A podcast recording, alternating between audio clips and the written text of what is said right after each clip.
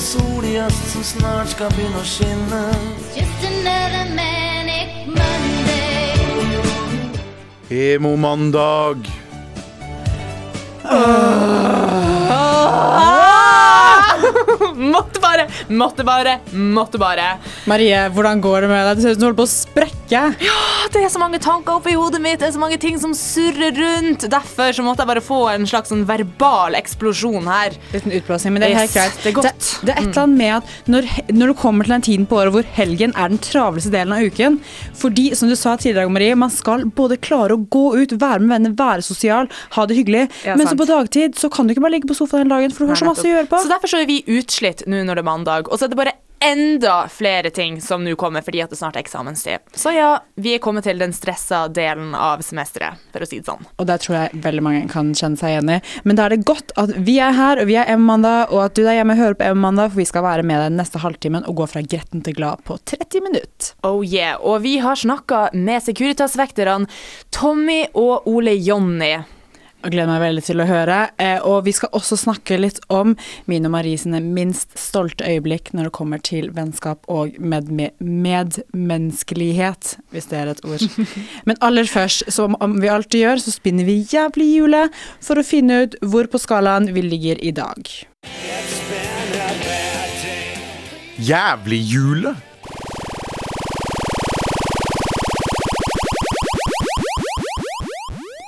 Så fra en på skala fra én til ti, og det er om å gjøre å komme så lavt ned på jævleskalaen som mulig, hvor ligger du, Marie? I dag ligger jeg på en sjuer. Jeg er høyt oppe nå. Nå er det Ja, jeg emo-tid. klarer ikke helt å slappe av. Det er emo-tid, jeg ser det på deg. Eh, personlig er jeg på en sekser. Litt under deg, men fortsatt ganske mm, det er, det er litt kjipt. I dag er det litt kjipt at det er mandag, rett og slett. Sånn Ja, er det bare innimellom. det er lov. Det er fullt legitimt. Absolutt. Det er, det er jo derfor, derfor vi er her. Det er derfor vi har er dette programmet. Absolutt. Vi skal høre den aller første låten eh, i sendingen i dag, og det er ukas låt her på Studentradioen i Bergen. Dante versus Zombies.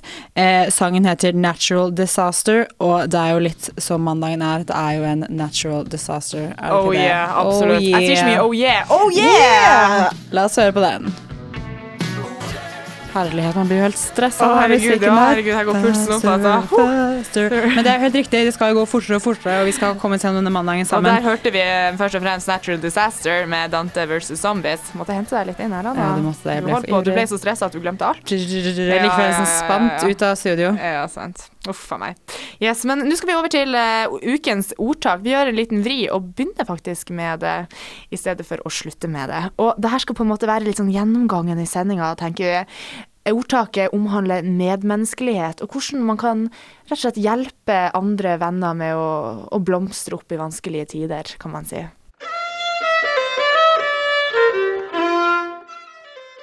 Er ein blomst nær ved å visne, den forfriskast kan igjen. Og et hjarte som vil briste, det kan trøstast av en venn. Gode ord der, altså. Virkelig gode ord. En fin leveregel, noe å virkelig strekke seg etter. Og jeg vil si spesielt på en mandag. Og kun det å kunne hjelpe å være der for en som står deg nær. Ja. Å, herregud, så dyp igjen. nå. jeg kjenner jeg får en tåre i kroken. Ja, du er jo litt emosjonell, Marie. Jeg er veldig emosjonell. Men, men det som er da, grunnen til at vi tar dette litt opp, er fordi at nå er det mandag.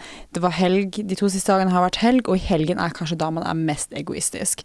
Det er kanskje da man er slemmest med vennene sine, hvis man får Ja. muligheten til det. Man går liksom ut bare for å liksom ha det artig, og du skal faen meg ha det artig når du bruker så mye penger, tid og energi på det. Det er et eller annet med Hvis du har brukt 100 kroner på en flaske vin, så er det kjipt når klokken blir ett, og venninna di er sånn 'Å, men å, det var ikke så gøy her. Mm, jeg føler meg litt dårlig. Mm, jeg vet Jeg har lyst til å gå hjem.' Og så står du her sånn Nei, nei, nei, nei. Og det er veldig egoistisk, men vi har alle vært der. Jeg vet vi alle som har vært der. Og jeg og Marie har begge, har begge to vært i litt spesielle situasjoner hvor vi har, måttet, vi vært litt slemme med vennene våre. Og nå skal vi åpne hjertene våre for Ja, vi skal jeg åpne. Men det som er min historie, er jo litt annerledes vri på den, for jeg var på en måte ufrivillig slem. Eller kanskje det var liksom sånn underbevisstheten min som vi, Herregud, som var slem.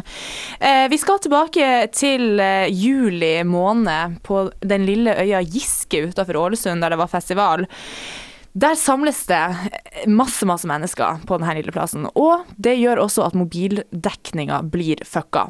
Så jeg og venninna mi, eh, Åsa, vi klarte ikke å eh, Vi mista kontakt med hverandre. Og vi gikk og vi skrev meldinger med hverandre om og ja, forbi hverandre hele tida. Men det tok jo en halvtime før vi fikk dem frem, så det var jo bare tull. Min venninne Åsa har jeg fått i ettertid, hun var så fortvilt. Altså, jeg tror, hun trodde jeg hadde drukna i fjærsteinene eller noe sånt. Hun var sånn, altså, mitt etternavn er jo Ernstsen, så hun kaller meg Ernst. Og det var liksom bare 'Ernst, hvor er du? Jeg er redd!' Og så sier hun 'Jeg går tilbake til teltet, jeg ligger her og sipper'. Mens jeg, jeg hadde jo bare tenkt 'OK, greit, jeg får bare leve livet'. Fant meg de naboguttene vi var med, bare traff jeg tilfeldigvis på Jon Olav Nilsen-konserten, og hadde det kjempeartig og styrte og holdt på. Og så kommer jeg tilbake til eh, teltet, og der ligger min gode venninne Åsa og gråter. Å, Ernst, jeg trodde du var død! Og her har jeg i mellomtida virkelig bare levd livets glade dager. Blant annet truffet meg en eller annen kis eh, oppe fra Sunnmøre som hadde nøtteallergi, og det artige var det at jeg, vi kyssa etter at vi, jeg hadde spist nøtter, så det endte jo i katastrofe, kan du tenke deg. Så jeg føler meg skikkelig eh, Får liksom, jeg fikk faktisk to stykker til å gråte på den kvelden, både venninna mi og denne fyren med nøtteallergi. Du hadde jo bare tidenes kveld kjempegøye historier å fortelle når du kom hjem. Den nøtteallergihistorien er noe av det gøyeste jeg vet om. Mens Åsa, stakkars, har liksom umiddelbart, når hun har mistet sin venn Ja. Åsa hun er en trofast venn. Hun har da gått tilbake til og tenkt dette er et naturlig sted å møtes. Marie har aldri kommet. Åsa har tenkt naturlig nok Ja. Marie må ha dødd. Og lagt seg, lagt seg inn i teltet og begynt å gråte. ja, ja. Og så der kommer jeg full 'hallo', liksom, og aner altså, jeg tenker ikke over det. Jeg vet ikke helt, altså, Har hun en pessimistisk tankegang, eller er hun bare ja, hun er en trofast venn? Hun er en trofast venn, mens du Mens derimot du, mm. du tenkte det er stress, du er tilbake til teltet, jeg har lyst til å ha det gøy, jeg er her, det er konserter, jeg gidder ikke å finne Åsa nå, jeg finner hun seinere, og så levde du livet. OK, ok, jeg er fæl, jeg er en fæl person. Men det er helt greit, du mistet venninnen din, men jeg, Ja. jeg prøvde jo faktisk å bli kvitt venninnen min, og det vil jo si det kanskje var hakket verre. Det er også en festivalhistorie. Og vi var det, det var ikke så veldig seint på kvelden, skjønner du, men hun, hun, hun, hun begynte liksom å bare bli Altså, hun, hun, hun måtte gå hjem. Altså, det var på tide å ta henne med hjem. Det var, hun ga ikke noe mening, det hun sa. Hun klarte ikke å føre normale samtaler, men hun ville da selvfølgelig absolutt ikke hjem. Så jeg sitter med henne utenfor, litt utenfor liksom inngangen til campen, da, var det vel, og sitter der litt med henne og tenk, prøver liksom å prøve å finne en vei og komme meg ut av dette. For alle andre vennene mine hadde jo løpt av gårde. De så situasjonen som holdt på å oppstå her. De så at hvis du ble stuck med henne, da fikk du ikke nyte resten av kvelden på festival, og stakk. Og der satt jeg, trofast god venn. Men det varte ikke så lenge. Jeg så politiet komme. Fordi de driver jo rundt der og sjekker liksom hvordan ståa er og sånn. Og jeg tenkte for meg selv, hvis de ser henne, ser hvor ute hun er, og de sier hun må i fyllearresten, vet du hva jeg hadde sagt da? Jeg hadde sagt med glede, ta hun med dere, vær så snill, så jeg gå tilbake inn på festivalrommet og se en konsert som jeg har betalt for. Jeg, Hør på Anna, hun er så sint og gretten akkurat nå. ja, men ja. du vet hva, jeg hadde gjort det lett. Ja, men det endte jo selv, politiet ville jo selvsagt ikke hjelpe meg, så det endte jo med at jeg fikk en vakt til å klippe båndene hennes. Eh, fikk en annen til å putte inn i en bil, jeg var jo selv med på dette, her, kjørte hun ut av området. Fikk en annen til å hente oss der ute, presset hun inn i en bil der, for å så si nå skal vi hjem. Da begynte hun liksom å sparke og slå, var helt hysterisk. Så sa hun at hun skulle ikke hjem, hun skulle til en annen venninne av oss, der venninnen ikke var hjemme, bare moren hennes. Så vi kjørte dit da, og da var vi begge så Vi var så sliten, vi var utslitt, og jeg var blitt kjeftet på, jeg, hadde, jeg hadde kjeftet på henne, og vi grein begge to og kom hjem til moren til en annen venninne av oss, gikk inn hver vår inngang og var bare sånn Å ja, hun har vært slem med meg, å ja, ja, hun har vært slem med meg. Og det var eh, Og så forlot jeg henne der. Og gikk tilbake på festival. Og jeg hadde tørket, tørket tårene Tørket og dro tårene. tilbake. Så en konsert. Gikk jeg, la meg. Men vet du hva? Vi må bare innse det at man kan være medmenneskelig og alt det her. Men den største egenskapen hos mennesket, det er egoismen. Når alt og, og kommer til alt, så har vi alle en liten egoist i oss. Der hørte du Brian Scary med Ballroom Kid. Ja, det fungerte kjempebra, Marie. Det var, kjempe, ble litt flau over det ble, det var kjempefint. Tusen takk for det. I did not have sexual relations with that woman. The DNA test results show that Jamie, I'm sorry you're not the child's biological father. Hello, bloggen. Eh, Jeg tenkte jeg bare skulle vise dere hvordan jeg fikk leppene mine. Det kunne ha vært verre. Vektere det er en arbeidsgruppe det som alle har en mening om, fordi de er overalt. De har så utrolig mange forskjellige typer roller. da. Når man går på Nygårdshøyden, føler man seg trygg hvis man ser en vekter. Sitter her på studentsenteret, jeg føler meg trygg. Sitter jeg på Bybanen, jeg har billett og jeg ser de, så blir jeg likevel nervøs. tenker sånn, shit, shit, jeg har jo betalt, men er den gyldig? Er jeg sikker på at jeg gjorde alt riktig? Definitivt, definitivt eh, et veldig interessant og spennende yrke. Og jeg og Marie har vært og snakket med to av dem om hverdagen som vekter. Når du går gjennom byen i uniform, så er det en turist som stopper deg og spør etter veien. Det er noen som kommer bort for å klage sin nød om et innbrudd de hadde i nabolaget for tre uker siden. Og du får, du får veldig mye, du får høre veldig mye rart. Hvis du plutselig begynner å snakke til noen i uniform, så de forventer at du skal liksom si noe fælt til dem, noe, noe som, at de har gjort noe galt. Men det er jo ikke nødvendigvis sånn. Hadde en, en far, en mann i 35 ca., med seg to barn, to gutter, fire-fem år, som sto i setet foran og hoppet og sprelte. Ja, prøvde liksom å roe dem ned og fikk ikke det til. Og så, så sier jeg nå skal vi se noe stilig til han mannen. Så sier jeg sett dere ned. Vi bare rett ned. Det, det tok et halvt sekund, og de satt helt i ro. Så jeg sånn sitter dere på bussen. Tommy og Leonie er to stykk barske mannfolk som jobber som vektere i Securitas. En liten busstur ut fra sentrum, så kommer man til Storetveit, hvor guttene møter opp på jobb hver dag før turen går videre til enten kontroll på buss eller bybane, eller som vakt i butikk og på kjøpesenter. Jobben deres er å være synlig, men noen ganger så er de helt usynlige. Det vil si at de jobber undercover.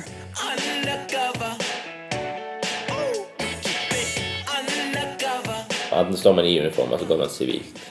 Og går man sivilt, så går man jo da for å Det kan jo alt deg og deg som stjeler. Er det, er det gøy å jobbe litt sivil? Det, det kan være gøy å jobbe sivil. Det er gøy hvis du tar noe. Hvis ikke du tar noe, så føler du at du bare går der. Altså, hvis du går fem timer i en matvarebutikk, så går du egentlig og later som du handler i fem timer. Så du, så du, du syns egentlig du håper at det skal være noen eh, forbrytere der ute som får passion i hverdagen? Jeg føler meg litt så dårlig menneske av og til. For det. Men det er mer fordi at du føler ikke at du gjør jobben hvis ikke du tar noe. For det er veldig, altså, det er mange som stjeler i enkelte butikker. Hvis ikke du tar noe på en hel vakt, føler du at du kanskje ikke har gjort jobben. Selv om du gjerne har gjort det og har fulgt med på alle du skal.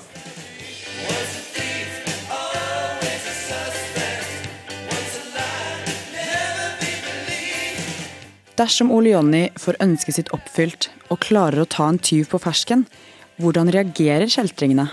De fleste blir sånn forfjamset egentlig først, og så blir de sint. Eller så altså, en, en del vil jo prøve å løpe og stikke av, mens den andre delen legger seg flat. De aller fleste sier unnskyld, og så, og så noen som nekter. Så, Nei, jeg har ikke tatt noe. Er du sikker? Ja. Hva med den som ligger i den lommen? Å ja, nei, den glemte jeg å betale for. Sant? Så spiller de bare dum. Men det hjelper jo ikke. Blir man gode menneskekjennere, eller sånn, kan dere lese folk godt? Jeg liker å tro det av og til, men man blir veldig dømmende. For du, du følger til slutt en sånn stereotyp. Sånn, de kommer gående alene, de snakker ikke, de gjør ingenting. Du må bedømme dem på hvordan de går, lukter og står og går kledd. Sant? Og da blir det til at du fort følger etter de som gjerne kler seg litt sånn slørvete. og Hvem som mest forbryter ut av meg og Anna? Hvem hadde dere gått for? Hæ? Er det sant? Jeg trodde du skulle få Marie. Anna er. Jeg er jo den mørke kan, du, kan du beskrive hvorfor, eh, hvorfor ser Anna mer forbryter ut enn meg? Er du uenig med meg, forresten? Nei, jeg hadde gått etter deg, for du har fengselsstripene på. Jeg har egentlig ikke noe sånn veldig godt belegg for å si det. Det er bare når når du spurte. Ja. Ja, for du sa meg med en gang. Det var veldig Ja. interessant. Så det er mer sånn kanskje ikke bekledninga, men det var bare eh, utstrålinga der. Ja. Ja, Kanskje. Mens du ser mer på Du har øynene til en tyv. Men jeg, jeg hadde fulgt etter hun. Jeg vet ikke hvorfor, men jeg hadde fulgt etter hun i Ja, en butikk. Okay. ikke deg. Har aldri stjålet i hele mitt liv. Nei. Alle har stjålet nesten. Nesten alle har stjålet et eller annet da de er liten. Og alle sier 'jeg har aldri stjålet noe'. Helt til de begynner å tenke, så har de gjort det. Sekunder etter dette satt vi og tilsto all smånasking vi noen gang hadde gjort. Godt vi snakket med vektere, og ikke politiet. For selv om vektere kan anmelde deg, så stopper deres myndighet der.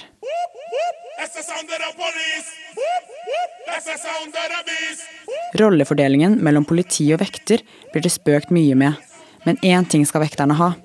De er synlige, de er overalt og lett tilgjengelige. I motsetning til politiet, som kan være vanskeligere å få tak i. Dette har Ole Jonny fått kjenne på kroppen. Men jeg var ute i Ytre Arna, eksempel, og gikk i en butikk der. Der det var en som tok noe, og så løp han før jeg kom til han. Og når jeg hadde etter han ti minutter inn i skogen, og han hadde mistet buksen, og da løp der med alt ute foran og bak. Det er liksom Jeg ringte jo til politiet underveis, og så bare fulgte jeg etter han til de da skulle komme. De kunne nå til slutt ikke komme, så jeg lot han bare gå til slutt. Men Men du var, du var skada for livet. jeg var langt inne i en skog med en mann som var naken fra livet og ned. Det var, som, I tillegg så løp han vekk fra meg som om jeg var den fæle. Det var liksom, Bybanen frakter mange fram og tilbake fra Nesttun til sentrum hver eneste dag. Men innimellom tar folk seg litt vel til rette. Vi hadde veldig gøy med han ene mannen som reiste på Bybanen med en lenestol. Og han satt i lenestol. Seriøst? Ja. Uh, og det er sånn når du har jobbet en stund, så kan vi fortsatt le av det, for vi syns det var et utrolig vittig syn. Der han satt med beina i kors og slappet av. Så har vi hatt sofaer på vei inn på Bybanen. Og da har jeg krevd betaling for en sofa. Det skal jeg innrømme. Hva koster det? Nei, sofaen faen vi betale 25 kroner for. 25 bare? Ja, jeg synes, Det var sikkert bare to seter. Ja, det var to seter. Ja. Det Men ja. det, så fins jo ingen sånn Det fins ingen sofaknapp. Liksom. Hvor, mye skal jeg betale for en sofa? Eller et kjøleskap, eller hva det skal være. Men er det lov i det hele tatt? Nei. Sånn. Nei, det er for alle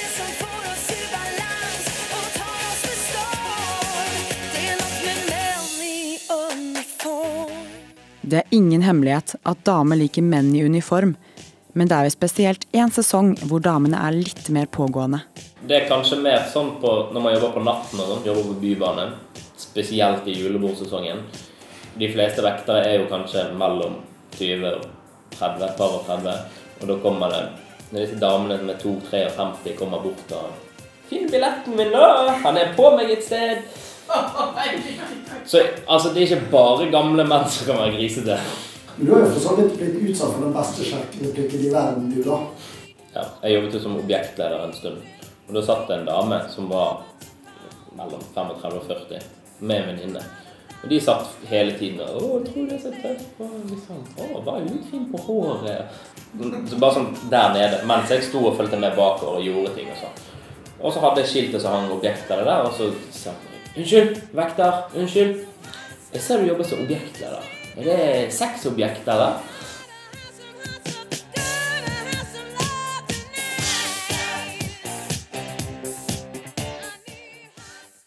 Å være vekter virker som et varierende yrke, hvor man får treffe mange forskjellige mennesker og gjør mye mer enn den nedverdigende tittelen 'Tyttebær politi' gir uttrykk for. Selv om de er kjipe når de gir ut bot i billettkontroll, så er de gode å ha gående rundt i sentrum og i butikker. De er noen tøffinger. Eller? Den største delen av jobben som vekter er jo mye service, og det er mye å, høre på folk og være et medmenneske og, og hjelpe de så godt du kan. Så eh, kanskje 5 av det, det du gjør, er å være tøff og barsk. Jeg har fortsatt til gode å være tøff og barsk noensinne i jobben min. Det er to pussegutter, altså.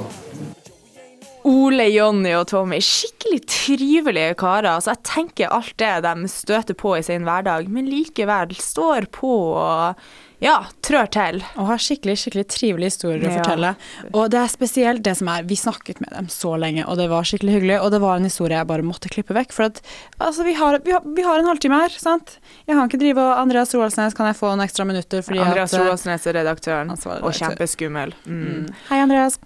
Eh, så, så det er en historie, og det fortalte han Tommy. Og da hadde han vært på jobb på Bybanen sent på kvelden, hatt et minutt til overs før liksom Bybanen skulle gå, og så sto det noen fyr der på på perrongen, hvis man kan si det. Og, eh, og så begynte han å snakke til han. Så spurte han fyren Tommy eh, hva slags eh, Hvis du kunne velge en superheltkraft, Ja. superkraft, ja. hva ville du valgt? Nei, Tommy han hadde lyst til å fly. Sier vekteren Tommy. Så spør han Tommy hva ville du valgt? Og da sier han fyren nei, han kunne ønske at hvis han hadde sex med et dyr, så kunne han få en baby som var halvt menneske og halvt det dyret. Fordi han hadde så lyst på en edderkoppbaby. Ja. Jeg har aldri hørt noe så forstyrrende i hele mitt liv. Det er urovekkende, urovekkende. Og det viser jo bare hva disse vekterne må takle Ja. hver e- eneste dag. Men det fikk meg også til å tenke, hvis jeg ville ha en superheltkraft som kunne hjelpe meg å slutte, på mandager spesielt da, selvsagt, hva ville jeg valgt? Jeg har tenkt litt på det, men først vil jeg høre hva du har tenkt på, Marie. Du, Anna, vet du hva? Jeg har tenkt og jeg har tenkt og jeg har tenkt. Og jeg klarer jo ikke, jeg har jo beslutningsvegring, så jeg klarte jo ikke å finne ut hva det var jeg ville ha. Så jeg rett og slett kommet frem til det at jeg kunne ønske at jeg hadde en superevne Hva var det vi sa? Superkraftevne. Superkraft, ja. Superheltkraft. ja, ja. Som gjorde det at jeg kunne ta valg kjempelett. Sånn at jeg hadde en liten mann som satt på skuldra mi og bare sa liksom Det skal du gjøre, det skal du gjøre, det skal du gjøre. Og som alltid har rett, da. Som alltid har rett. Og At du aldri kan ta feil valg, ja, nettopp, for det er jo det som er nettopp. vanskelig. Mm, Ja. Det, det skulle jeg ha hatt, ja. Det hadde hjulpet deg spesielt på mandager, for da er det ekstra tungt å måtte ta beslutninger for deg. En beslutningsvegring som du har. At det er tungt på mandagene? Ja, det er jo det, for da er jo Ja, generelt. Alt er tyngre. Alt er tyngre. Det er et eller annet med ja. det er ny uke, nye muligheter, som Ja, for ja, alle andre så- er sånn forfriskende. For deg er Altså sånn bare nei, nei, enda mer! Å nei, å se på timeplanen, hva skal jeg prioritere? Ah, du blir gal. Mm. Mm. Men du, Anna, hva, hvilken superkraft ville du hatt? Jo, jeg, og dette har jeg tenkt på Dette har jeg tenkt på lenge også. Hvis noen har spurt meg hvilken superkraft du ha, så har jeg sagt sånn Jeg vil kunne transportere meg selv med et knips. Wow. Og og der, nå sitter vi plutselig eh, i et eller annet Nedi land. jeg, jeg tenkte først nede på plenen utenfor teateret eller noe sånt. Ja, da, Nei, men jeg tenkte også- noe, litt mer. Skulle du først eh, knipse av gårde, så måtte du vært liksom, eh, Men- holdt jeg på å si, palass i Dubai eller et eller annet. Ja, ja, ja. ja, Ja, ja. det, det hadde vært veldig sånn. praktisk i forhold til sånn reising og sånn. Kunne reist kjempemasse, kjempelett. Uh, selvsagt de jeg tar på, er jo også med på reisen. Liksom ja, jeg har blitt inspirert av Harry Potter, det stemmer. Uh, og så- men også bare sånn mandag morgen, sant? det er et eller annet med hvor tungt det er å bare sånn komme seg ut døren Ja. og komme seg på skolen. det er en prosess, liksom. det er så tøft. Mm. Og hvis jeg da kunne være sånn OK, nå er jeg sminket og fin og har spist og alt, knips, hei, lesesalen, her er jeg klar for å jobbe. Skjønner du hva jeg mener? Jeg skjønner absolutt, jeg, Før i tida så brukte jeg å drømme at jeg liksom sto og hadde kledd på meg og ordna meg alt. Det her var da jeg var lita, og så plutselig kunne jeg bare gå ut av døren, men så våkna jeg opp, og så tenkte jeg å nei, jeg må ta hele Ja, prosedyren det- igjen. det Det, har er det verste. Det er det verste. Det Jeg støtter deg i den, altså. mm, Støtter mm. deg i den. Ja, men, eh, ja, men det, det kunne jeg virkelig tenke meg. Det hadde hjulpet mandagen min så sinnssykt. Så uh, hvis, uh, hvis jeg en gang i framtiden får lov å ta det valget, så er jeg nå helt sikker på hva jeg hadde valgt. I hvert fall ikke noe beslutningsvegring her. Oh my god, I'm having such an emotional Monday. Word. Word. Akkurat nå hører du på Emo-mandag med Marie og Anna på Studentradioen i Bergen. Vi nærmer oss slutten av emo-mandag og må snart si ha det. Men aller først må vi selvsagt finne ut om vi har blitt i bedre humør. Har vi stung, steget i humør Har vi steget i humørstigningene? Men har vi sunket på jævlighetsskalaen? Jeg har armen i været, så jeg tror det er ganske gode sjanser for at jeg har sunket litt på jævlighetsskalaen. Men la oss spinne Jævlig jule. Jævlig jule. Marie, fortell meg, hvor ligger du på jævlighetsskalaen akkurat nå? Akkurat nå ligger jeg på en treer. Er det sant? Du har sunget kjempemye, Marie. Ja. Jeg er også på en treer. Vi er på samme nivå. Oh, yes! Yes, vi yes! liksom Vi ligger er parallelt igjen. og, oh, Synkronisert. Nei, det liksom vi, Mellom sangene her så har vi diskutert litt, jeg og du, Anna. Vi har liksom vært våre personlige coacher, liksom. Eller sånn, i hvert fall du har vært det med meg. Og liksom, du har prøvd å, å sette livet mitt litt sånn opp, sånn, ja, planlegge det. Og uh, ting er litt lettere. Så bra, så bra. Ja, og, Og vi, denne vi har hørt på artige Tommy, Ole Jonny og Ja, ja, ja. Veldig trivelige gutter, altså. Mm. Veldig trivelige. Eh, det å komme en kjempeflott eh, nettsak på srib.no med flotte bilder av oss og Tommy og, og Ole Jonny, så det er bare å klikke seg inn på der for å sjekke det ut. Mm. Nå må vi takke vår produsent eh, Sunniva, og selvfølgelig våre eh, favoritt-Securitas-kompiser. Eh, Hvis du vil komme i kontakt med Emomandag, så kan du bare søke oss opp på Twitter, Facebook. Du kan sende e-post til oss. Det er emomandag at srib.no. det stemmer. Og hvis du savner å høre våre vakre røster, så fortvil ikke. Vi har podkast ute. Gå enten inn på srib.no, eller du kan søke oss opp i iTunes. Hør på Råmix rett etterpå, og vi snakkes neste mandag. Det gjør vi! Ha Ha det det bra!